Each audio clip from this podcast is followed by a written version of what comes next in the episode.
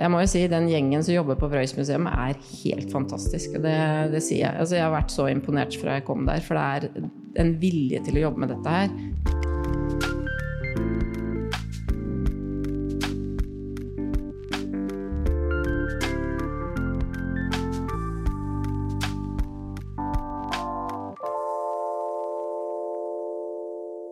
Da ønsker vi velkommen til en ny episode av Fotopodden, som spilles inn live fra Oslo Negativ på gamle Deichman.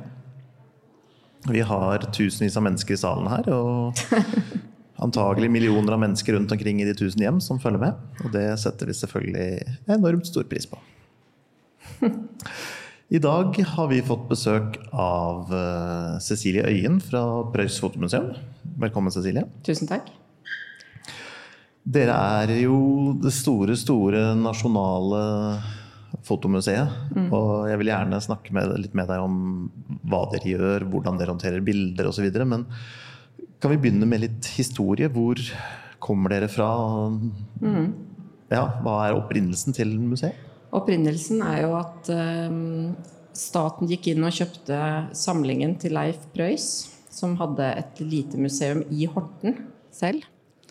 Og der eh, hadde han jo også bedrift, selvfølgelig. Han har jo vært ekstremt viktig for eh, foto hva skal vi si, som business også. Der var han viktig, også i kampen mot de store internasjonale. Så ønska han å opprette sitt eget. Og i alt dette så hadde han en ekstrem interesse for foto og utstyr og hele historikken rundt dette. Så i eh, 1995, så på bakgrunn av en utredning selvfølgelig av eh, samlingens eh, betydning, så går da staten inn og kjøper denne samlingen. Eh, Preus blir den eh, første direktøren for museet.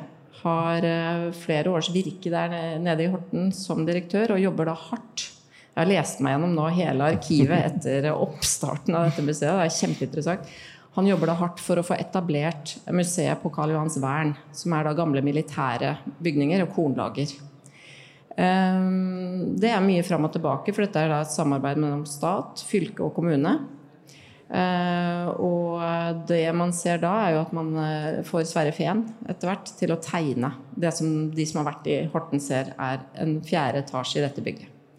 Utrolig vakkert. Så vi har de siste ukene tulla litt med at vi er det vakreste, minste nasjonale fotomuseet i verden. Men jeg har tenkt å gjøre litt med det, da. Eh, nei, så det er jo historikken rundt det. Eh, og så kan man kanskje si at staten eh, brukte penger på å kjøpe en samling.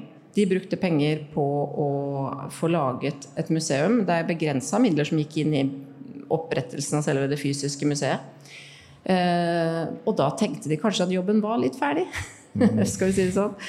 Og eh, det ble jo eh, Der sitter min kjære kollega Kristin Aasbø også, så jeg var fotoarkivar og samlingsansvarlig eh, hos oss.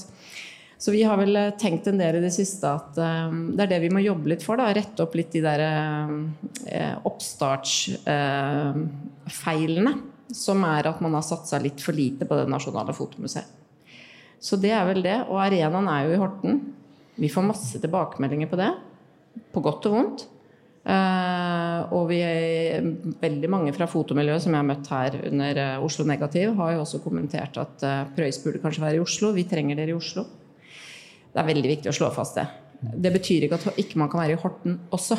Eh, det er en historikk her med Leif Prøys som grunnlegger av dette museet, som knytter oss veldig sterkt til Horten. Men hva som skal utvikles videre Vi har lyst til å bli mye større, har vi ikke det? Og det er litt viktig å få med seg, for jeg tror på en eller annen måte så får ikke dette museet blomstre nok. Derfor når vi fikk muligheten til å være med på Oslo Negativ, så ble vi veldig veldig glad. For vi tenker at vi ønsker å være en del av det universet som utspiller seg her. Kanskje ta en viktigere rolle også. Dere vil ha sånn bygning som han gamle maleren har fått nede i Bjørvika, kanskje? Nei, jeg vet ikke om vi trenger å få et eh, Munch-museum eller nasjon, størrelsen på Nasjonalmuseet. Jeg tror vi ville hatt litt problemer med å fylle det. Kanskje ikke med aktivitet, men med bilder. Eller kanskje mer med bilder og mindre med aktivitet. Jeg vet, kollegaen rister litt på hodet her. Eh, men det fins jo, akkurat som det gamle biblioteket, det fins Nasjonalgalleriet, det fins andre bygg i Oslo som ikke er fylt med aktivitet. Eh, og det er sikkert flere med meg som opplever at hvorfor skal ikke det nasjonale fotomuseet også få skinne litt mer? Og vi ønsker jo samarbeid med andre som nå jobber med større prosjekter. Så det har vi snakka en del med folk om de siste månedene. Så det er viktig for meg. Ja, for der dere er nå, så er det Det er ikke bare det at det er liten plass, men dere føler at det er litt langt ute? Eller hva tenker du på beliggenheten? Jeg syns vi bruker mye energi og ressurser på å prøve å dra folk til Horten. Mm. Det og nå har jeg lov å si det, for jeg har, jeg har bare vært her siden 1. mai. Men det er um, ikke sant, Hadde du vært i Moss, da, på andre sida, så kan vi si at da hadde du liksom hatt kanskje noe rett ved en jernbanestasjon. Her må du liksom gjøre et arbeid for å komme deg dit. Mm. Um, så det er liksom avveiningen mellom dette vakre stedet da, uh, og denne veldig usentrale beliggenheten. Og så er jo jeg også for en uh, distriktspolitikk, som det heter. Men vi kan gjøre begge deler. Mm. Men å være den der store, samlende arenaen som vi ønsker å være, på det lille arealet vi har der nede, det er vanskelig. Da kommer du inn på skillet mellom utstillingsdelen, kontorlokaler, magasiner ikke sant? Ja. og den kompetansebiten. Som, eh, med fotokonserveringen og verkstedene. Det er to, litt ulike ting vi trenger. Mm. Og um, vi ser vel vi drar opp det kortet nå i alle situasjoner vi er i. Vi, en, eh, vi skal fornye eventuelt en kontrakt med Forsvarsbygg eh, sommeren 2024. Når den fornyes, så spørs det om vi har magasiner på Karl Johans vern. Vi må finne nye magasinarealer, og vi må også finne nye måter å formidle på. Så vi, vi, må rett og slett gjøre en jobb da, fram til juli 2024 med å finne løsninger. For, for deres magasiner er det ikke sånn som lagrene vi har på foto.no, at det kan være et rom i en garasje? Ja, men det er jo det litt det er. Altså, jeg skal ikke le av det. Vi har jobba veldig hardt, da, for det, det, er nettopp det her at vi uh, det er jo ikke noe feil å si at fagfolka på Prøys museum i, siden oppstarten har sett magasinsituasjonen som problematisk. Og den har blitt mer og mer prekær. Så de midlene vi fikk for to uker siden, to millioner ekstra på driftsbudsjett, det skal jo gå til å ivareta samlinger og jobbe med samlinger. Og jeg tenker også å formidle de samlingene. Så det er veldig viktig for oss at vi på en måte nå um, får en situasjon hvor vi får tatt tak i det. Så, ja. ja. for der hadde dere jo en litt prekær situasjon. Ja. For Det gikk jo ut en pressemelding, og vi la ut en liten sak om ja. at dere måtte stenge for publikum. Ja. Så, men så skjedde ikke det. Nei, vi rakk aldri å stenge. Nei. Eh, Fortell hva bakgrunnen var, og, og, hva som skjedde der. Nei, Det var et godt eksempel på den uh, dråpen som får, får begeret til å renne over. Og det er, et, uh, det, er arkiv, det er greit jeg sier det, det er arkivet til Norges Fotografforbund som vi har på et uh, korttidsleie altså korttidsleid lokale fra Horten kommune. Vi visste at de kunne komme til å, å si ifra, men vi trodde vi ville få litt bedre tid. Eh, så, så, det er jo ikke et enormt areale, men vi har ikke noe sted å plassere det når vi skal flytte det ut. Så da må det være ferdig gjennomarbeida og flytta til Riksarkivet. Um, så det som skjedde da, var at vi rekker ikke på én måned å få jobba gjennom dette. Da må vi flytte og finne et nytt sted. Jeg har ikke penger til å plassere det et annet sted. Rett og slett. Um, så vi tenkte at den eneste løsningen vil være å plassere det da i kafeen eller publikumsarealet. Og da kan du ikke ha publikum i museet. Nei. Så så, altså jeg kan tenke, så sårbar er vår situasjon at hvis ett magasin til nå ryker, så har vi faktisk ikke noe sted å plassere ting. Nei, fordi at her kreves det klimaanlegg og temperaturregulering osv. Og, så og det har vi jo på foto.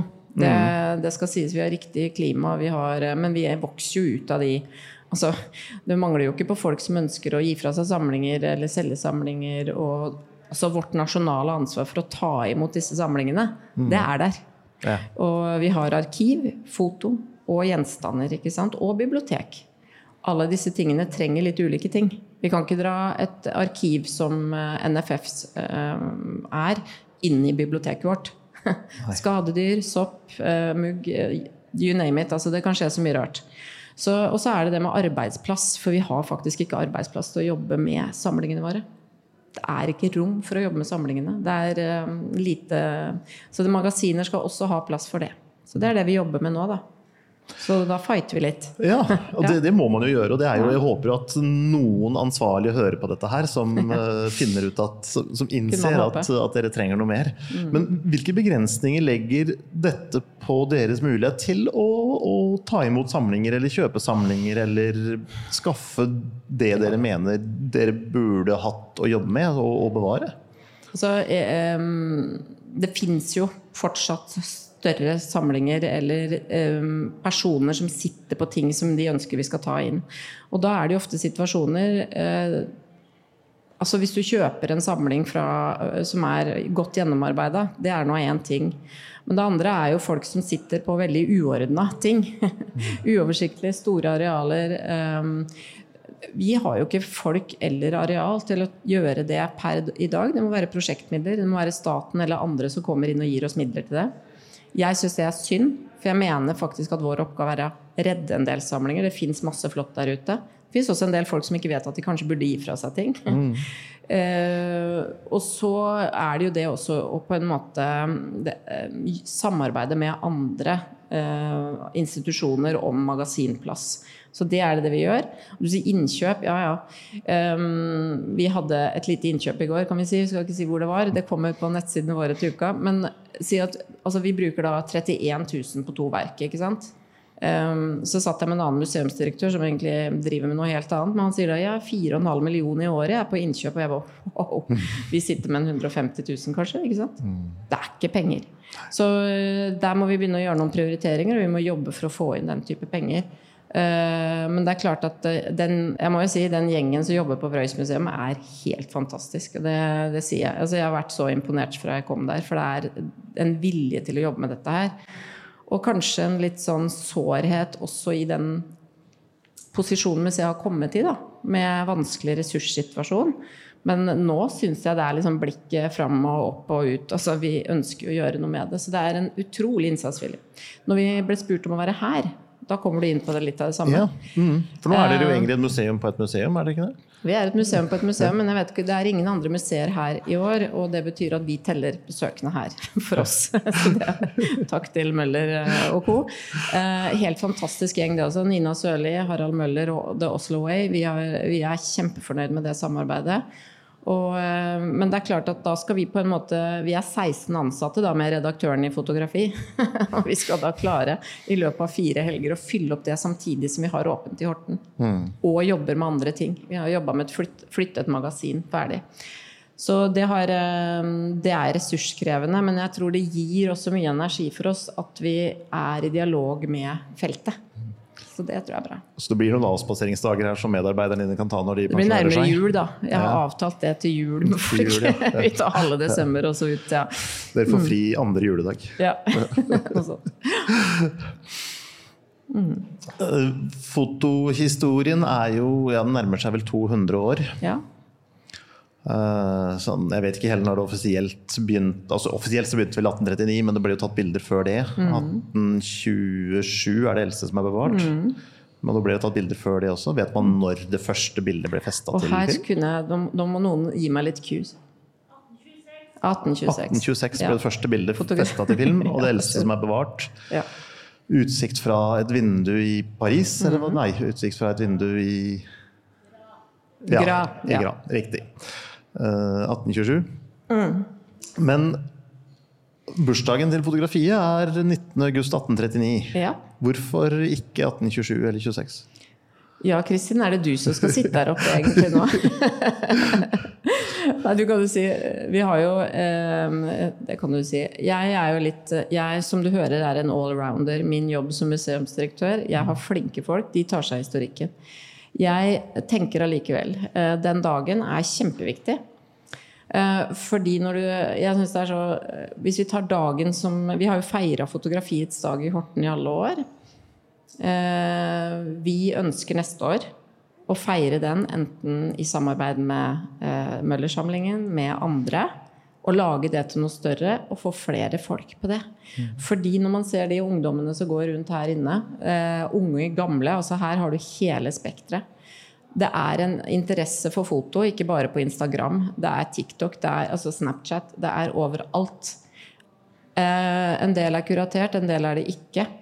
Men det å hele tiden ha den bevisstheten rundt foto som medium, også knytta til krigen i Ukraina, Um, og, altså, relasjonen altså he, hele den politiske bruken av, foto eh, gjennom tidene.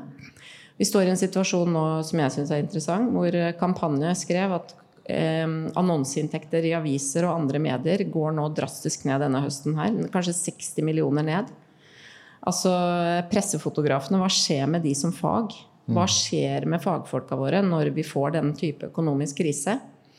Eh, hva skjer med folk som har eh, støtta kunstnere når det kommer økonomiske kriser? Vi så Under koronaen så virka det først som det kom til å gå rett i bakken. Og så har det vært veldig ujevnt fordelt hvilke kunstnere både innen billedkunst og foto da, hvem som har klart seg bra. Men vi ser jo at forrige runde på økonomisk krise så var avistegnerne som ble slasha i avisene. ikke sant? Da, da får man, eh, som jeg har sagt før i dag, en Christian Blum som er en fantastisk tegner, som da plutselig ikke sant, er frilanser. Så jeg tenker at vi som museum, eh, Fotografiets dag er et viktig møtepunkt med publikum og sektoren. Hele feltet. Fra kunst til eh, dokumentar og alt. Eh, og den må vi bruke til noe. Og da er jo det For meg, da, så tenker jeg sånn eh, Den historien og det er arbeidsfordeling internt i museet og mellom institusjoner, er det eh, det viktigste? Eller er det å pirre nysgjerrigheten på foto? Og derfor er vi glad for at foto.no er med på Fotografiets dag, for vi må ha i alle sider av fotografiet. Ja. Hva gjør dette med at vi nå tar bilder overalt og ser bilder overalt, hva gjør det med en vanlig persons forhold til bilder som, av den typen dere har, f.eks.? Altså fotokunst og fotohistorie? Jeg tenker jo at jeg, jeg er en veldig visuelt anlagt person sjøl, så jeg har svært lite problemer med det. Mm.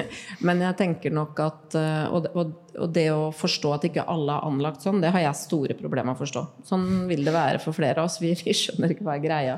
Noen har dette med arkiv, ikke sant. Jeg har jobba med togentusiaster, de har det med tog. Eh, men akkurat dette med den enorme billedrikdommen, da, den gjør også at det er veldig viktig å skille mellom de, altså de bildene jeg driver og snapper når jeg er rundt her, og det å se på foto som et fag og se på historikken. Eh, jeg tenker bare på den utstillingen vi har i Horten nå, over regnbuen, hvor du ser Claude Cahon. Altså, du ser disse fantastiske surrealistiske fotografene, f.eks. Altså, en helt annen form for fotokunst. Ehm, jeg hadde, I min forrige jobb så hadde vi, vi sto med en eh, ung fotograf fra et mediebyrå som sto og titta på en original sjøhval. Retusjen rundt Maud. Altså, han fikk tårer i øynene. For det er den forståelsen av den, hva har gått inn i det bildet. Altså En person som ikke har blitt forklart at her har han stått og jobba med hånden, dette er en kunstner. Mm. Det er det å kunne formidle det. Det mener jeg er sånn felles oppgave, men hvor vi ønsker å ta en viktigere oppgave, altså rolle i det. Mm. Så, så, derfor så tenker jeg at å gå rundt her ja, Jeg må jo si jeg blir fascinert av at man har brukt så mye ressurser på å um, bruke dette palasset, da, som det egentlig er, til foto to ganger på denne måten. Så, og så kommer det inn da, at museer og gallerier, vi kuraterer. Vi må kuratere. Vi kan ikke late som at ikke vi ikke har autoritet i det vi presenterer. Og det tror jeg er veldig viktig. På 90-tallet hadde man jo på universitet og høyskoler og sant, akademia vi skulle frasi oss alt som het autoritet. Alt er like greit og sånn. Nei, men det er jo ikke det. Vi er ikke der nå. Og det tenker jeg i forhold til foto er svært viktig. Mm. Så ja. Mm. Ja, for det er jo Jeg føler jo noen ganger at jeg blir mett ja. av bilder. Jeg kan gå hjem fra jobb, og så er jeg litt mett av bilder, og så orker jeg ikke gå på en fotoutstilling. Nei. Fordi nå har jeg sett så mange bilder i løpet av arbeidsdagen. Ja. Og, og, jeg jobber med det, så blir det litt annet. Men når folk sitter og blar på Snap eller Insta og ser bilde, bilde, bilde, bilde, bilde, bilde, bilde, får man et mer blasert forhold til det hele? Eller kan man bli mer interessert i foto? Eller hvordan Altså, jeg kan skrive en tekstmelding, det betyr ikke at jeg kan skrive et litterært verk. Nei. Eh, jeg kan ta en snap, det betyr ikke at jeg kan ta et, lage fotokunst. Mm. Er, er, det en sammenheng der, eller blir de feltene så ulike mm. at man på en måte ikke ser at Snap er samme typen medium som, en, mm. som Oslo Negativ? Så jeg har jo, det er det jeg tenker. Reaksjonene på eh, fotofestivalen er jo veldig mange og varierte. Og jeg syns det er det som er verdien av det. På mange mm. måter. Jeg tror eh, Hvis vi tar først festivalen, så tenker jeg det er den møteplassfunksjonen eh, denne festivalen har, er kjempeviktig. Og så er det noen eh, som er mer kanskje kunstorienterte, som savner mer kuratering. Jeg syns det er ganske prisverdig at man lar hvert av uttrykkene stå for seg selv. Men det jeg lurer på med den overfloden av bilder, det kan jo være at vi da Så det er litt sånn som med ungdom. Eh, også den diskusjonen man har nå i forhold til dette med eh, at hvis et bilde er retusjert, så må man si fra om det. ikke sant? Alt det der det gjør arbeidshverdagen fryktelig vanskelig for fotografer. Det er én ting. Men kanskje det med Instagram og Snap, TikTok, det gjør også at man kanskje ikke stiller spørsmålstegn hva som er bak de fotoene. Hvilken virkelighet er det de viser? Mm. Det er det jeg tenker vi har en jobb å gjøre med unge mennesker. Og også, jeg snakker jo også med liksom mammaer på skolen og sånn, hvor du hører sånn Jeg burde kanskje ikke bry meg så mye om hva slags, hvordan folk har det hjemme. Jeg syns kanskje bare at jeg burde pusse opp snart. Altså Alle påvirkes jo av den der bildestrømmen og dette fokuset på estetikk, som jo ligger i det. Men eh, det er kanskje derfor det også er litt befriende med en festival ikke, som er litt rå som det er her. At uh, ikke alt er, er liksom Munch-museet eller Nasjonalmuseet. ikke sant? At vi har den uh, Ja, her er det lov å være litt fri, eh, friere i snippen, da, for å si det sånn. Men jeg tror man må tenke litt på hva den bilderikdommen gjør med forståelsen av hva som er på det papiret. Hva sier dette egentlig? Ikke mm. sant? De bildene som ble tatt på i de såkalte russiske regionene da, i Ukraina i 2014, som ingen trodde var krig, det var en dag i februar vi alle ble slått av at det var jo visst krig allikevel. Og hva har vi tenkt med de bildene? Og hvordan er det journalister og eh, foto, fotografer som har vært fra, for VG f.eks. i Ukraina i den perioden, har vi hørt på historiene deres? Har vi trodd på bildene? Jeg syns det er masse ting man kan gjøre spennende her. Her kan man nå ut til videregående elever som er i medier og kommunikasjon. Det er masse man kan gjøre. Så, så, det er nok noe av det vi diskuterer også. Der ser vi også hvor viktig det er sammenhengen mellom arkivene da, eh, til f.eks. Leif Prøys og hans samling. Forståelsen av hvor bildene kommer fra. Det vi museumsfolk så kjedelig kaller også proveniens. Eh, som er veldig viktig for oss. Men det er også viktig for å kunne fortelle historier. Nå har jo Kristin eh, tidligere i dag hatt et foredrag her om eh, Marie Høeg og Bolette Berg. Disse to fantastiske damene som levde sammen i 50 år og gjorde store ting for sin tid. Vi snakket jo om det på forrige episode av podkasten, ja, så finner dere der hvor dere hører på podkaster. Ja, mm. men det er litt den der, hele den Hvordan er det du får den beskrivelsen av hvem disse to var? Hvordan er det du bygger ut en historie? Det kan være andre. Jeg tenker Møller-samlingen det samme. Der har man jo en Altså, hvordan er det man bygger ut kunnskapen rundt den, sånn at historikken rundt en samling, det arkivet som et, en fotosamling er, ikke går tapt? Mm. Fordi veldig ofte så vil forståelsen av sammenhengen rundt være like viktig. Mm. Det, er, det, er, de historiene vi forteller. Hvorfor var det viktig for Leif Prøys å kjøpe akkurat disse tingene? Hva var det i hans liv som gjorde at det var noen ting han utelukka? og andre ting han ønska inn. Mm. Det er andre samlere som har helt det samme fenomenet. Da. Så det syns jeg er veldig interessant. Eh, og går man til fotografenes liv og virke, hva skjer når en fotograf dør? Det er jo det vi sitter litt med. Da. Noen ganger så dukker det jo opp eh, situasjoner hvor du må liksom bare redde, redde noe. Hva gjør du da? Har du nok informasjon om det, eller skal man jobbe litt i forkant? Hva slags rolle skal det nasjonale fotomuseet ha i det? Eller en annen samler? Det liksom så det er mange spennende sider ved det. Men der trenger vi historien rundt. Ja, og Det er jo ikke så lett å kanskje gå til en gammel fotograf og si hei, du skal jo dø snart, kan jeg få snakke nei. med deg om bildene dine? Men noen av dem eh, gir den informasjonen frivillig, da. Men, eh, nei, altså det er ikke det, og folk kan jo dø når de er unge, så det har ikke noe med det å gjøre. Men er, jeg ser det på en måte at det er en sånn rikdom i det materialet veldig ofte, hvor vi burde ha mulighet, ha penger til på en måte å ansette folk som går og samler historien. Mm. Og gjør det relativt kjapt når noe skjer. Det kan være en samler også. Um, jeg tenker Guttorm Guttormsgård, som er kunstner, men også en del, hadde en del foto. Nå har jo de sitt eget arkiv, det er en egen stiftelse. Men det er klart at det er veldig Hvis kunnskapen bare forblir i relasjoner, og ikke blir satt på papir eller lagt ut på nett, og sånn, så er det veldig lite etterprøvbart. Mm. Så, og her har jo Prøys også Det er jo ikke bare Nasjonalmuseet som vi har på en måte Vår oppgave ligger liksom inntil Nasjonalmuseet, men også Nasjonalbiblioteket. For Nasjonalbiblioteket har jo noen oppgaver inn mot foto. Kristin har jobba der i 25 år. Eh, men også inn mot film. Og der deler vi jo litt ansvar, da. Mm. Så de arkivene der, og arkivene fra alle museene i Norge, og kunnskapen om samlingene, de kan vi dele gjennom felles systemer, egentlig. Så jeg mener at det faktisk er viktig. Det er den oppgaven vi er satt til å gjøre. da. Og det skiller oss fra Harald Møller. ikke sant? Når han går ut og interesserer seg for noe, så får det en helt annen betydning enn når vi går ut og kjøper noe. For det skal inn i en sammenheng på en annen måte. Mm.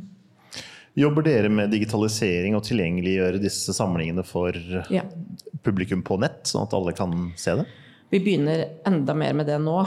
Vi skal ha nye nettsider. Vi skal ha, eh, og så har vi jo denne Filmmuseets samling, som folk kanskje har lagt merke til. Og det er jo egentlig en teknisk samling. Det er ikke filmer, det er gjenstander, egentlig.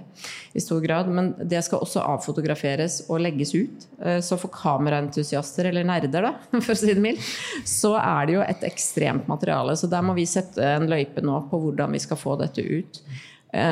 Igjen så blir av og til dette litt vanskelig. For en togentusiast, dette kan jeg en del om, eller en uh, fotograf kan ha kjempeinteresse i et spesielt type kamera. Og kan sitte og fortelle om skruer, og det er det ene med det andre. Linser. Uh, mens andre mister det. Igjen, kurateringen i den digitale universet er superviktig. Og vi skal jo nå også bli med i en så Hvis alle som kjenner digitaltmuseum.no, anbefales. Der finner man jo mye foto. Men det er som å komme inn i et åpent museumsmagasin. Så Derfor har jeg tidligere vært med å søke midler til noe som heter Virtuelt museum. Så blir den kuraterte. Og når vi søkte penger til det, vi var flere museer sammen, så var det for at det fins For museene har ikke råd til å lage løsninger hvor du får formidlet eh, foto på en litt mer kunstnerisk og kuratert måte. Hvordan lager du disse historiene? Hvordan binder du lyd, film, bilder sammen i gode historier? Mm. Så det skal vi jobbe mye med framover.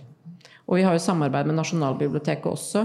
I den forrige jobben med museet i Akershus så hadde vi jo sendt vi av gårde 16,5 tonn med foto. Vi var det første museet ut til å samarbeide med, med Nasjonalbiblioteket. Eh, der hadde vi en samling på fem millioner foto, men veldig mye portrettfotografi. Så kanskje 75-80% er noe som ikke skal digitaliseres pga. personvern. Ja. Det, det, kan ha lokal interesse, men ikke så stor nasjonal verdi. Mm. Men det skal også ivaretas, da. Så for Prøys det er en kvalitativ samling, akkurat som Møller-samlingen. Der er det høy kvalitet på samlingen. Og sånn skal det fortsette å være. Vi skal ikke ta inn kreti og pleti, for å si det sånn. Vi må holde et strikt eh, Litt sånn ha en høy terskel for hva vi tar inn, for ellers så mister vi helt oversikt. Mm. Men burde det digitaliseres allikevel, bare ikke offentliggjøres? Sånn at for restaureringsgrunner f.eks. så kunne man se hvordan så dette her ut i 2022? Det kunne man kanskje si, men der tror jeg at eh, mengden materiale som Nasjonalbiblioteket får inn, er så enorm. Kan, altså, det er så enorme mengder foto der ute. Men det er jo fortsatt en mulighet til å finne igjen ting i altså i Mo i Rana. Vi sendt, hvis vi sender av gårde en million foto, så vil man kunne finne igjen ting der oppe. Ja. Så den arbeidsfordelingen går jo mer på at da er det staten har gitt penger til Nasjonalbiblioteket for å oppbevare og ivareta dette her. Ja. Så det er nok en fin arbeidsfordeling. Men å få det som er bra ut, det er kjempeviktig nå. Så skjer det jo noe ganske dramatisk innen foto for tida. Det, vil si, det har jo egentlig alltid skjedd, nemlig at bilder lyver. Mm. Uh, bilder har jo aldri fortalt sannheten, kanskje annet enn fotografens versjon av 125 delsekund av virkeligheten. Men så kommer Jonas Bendiksen med sin Book of Veles, hvor alle bildene var fake. Mm. Bilder kan fakes så man ikke kan se det. Ja. Hvem tror på bilder om ti år? Hm. Jeg tenker, Skal man bli redd for bilder fordi det går an å fake det, eller skal man jobbe med å få forståelsen av hvordan ting kan fakes? Mm. Jeg er jo mer der, og der mener jeg vi har en viktig funksjon. Jeg tenker at vi, eh, vi ønsker jo du vet, Det har jo vært Vi kan si det, det er vel det har vært en drøm i staten egentlig å få til et mediemuseum. egentlig. Og der er jo det som jeg er litt opptatt av, det er sammenhengen mellom journalistikken og foto, film. I film har man også drevet mye altså Surrealismen er jo en eneste stor løgn. Men hva er sannhet? Mm. Eh, jeg tenker jo at um, Yes, altså hele diskusjonen rundt de gassledningene nå er et sånn supereksempel. Uh, men hvorfor i altså, um, Hvorfor i all verden skulle Russland liksom sabotere seg selv? Ja, hvorfor ikke? Altså, ikke sant? Her er det liksom Men man må komme opp Noen folk overbeviser jo aldri. Jeg tror ikke man mister det estetiske gleden over foto. Eller foto som minnebok. Selv om det kan lyves med foto. Nei. Og, og, og det er selvfølgelig forskjell på en fotokunst og en fotodokumentar. Ja. Det er jo fotodokumentaren hvor dette her blir Det virkelig viktig. For problemet. fotokunst har alltid vært en Ja. ja, Det har aldri skulle vise sannheten. Mm. Så der er det jo ikke noe, noe issue, egentlig. Og, og min fotobok hjemme fra forrige ferie har heller ikke noe problem med det. kan jeg godt kanskje til og med jukse litt for å få det til å se enda litt bedre ut. Ser jo veldig pent ut, da. Det. Og så tenker jeg sosialantropolog i utgangspunktet, så jeg tenker eh, på en eller annen måte så er jo all Altså all kunnskap er jo relasjonell på mange måter, ikke sant. Og du har Jeg tror ikke ting snakker for seg selv, de snakker i en sammenheng. Og det, I museumsverden så går du inn eh, på British Museum. Ja, de har mye de burde sende tilbake. Men allikevel kanskje ikke. ikke? Hva er sannhet, hva er løgn? Om 20 år, hva syns vi om det da? Samme med bilder. Men man skal på en måte det å tro, altså noen, Foto har jo den fine siden da, at du kan se et foto og bare ha en estetisk glede av det, og ikke på en måte gjøre noe mer. Men eh, hvis du prøver å fortelle en historie, så står ikke det fotoet alene. Så, så det, er noen, det er noen ulike prosesser som går inn her. Det er ulike måter å forstå det på. Men det er derfor jeg også tenker det Går man rundt her inne nå, da, så har Prøys museum en annen utstilling enn Villas Contemporary. Og det er gode grunner til det, og sånn skal det være. Jeg elsker det, eh, at det er så mye forskjellig. Men vi kan, det er ting vi kan og ikke kan gjøre. Nettopp pga. hva er rollen vår.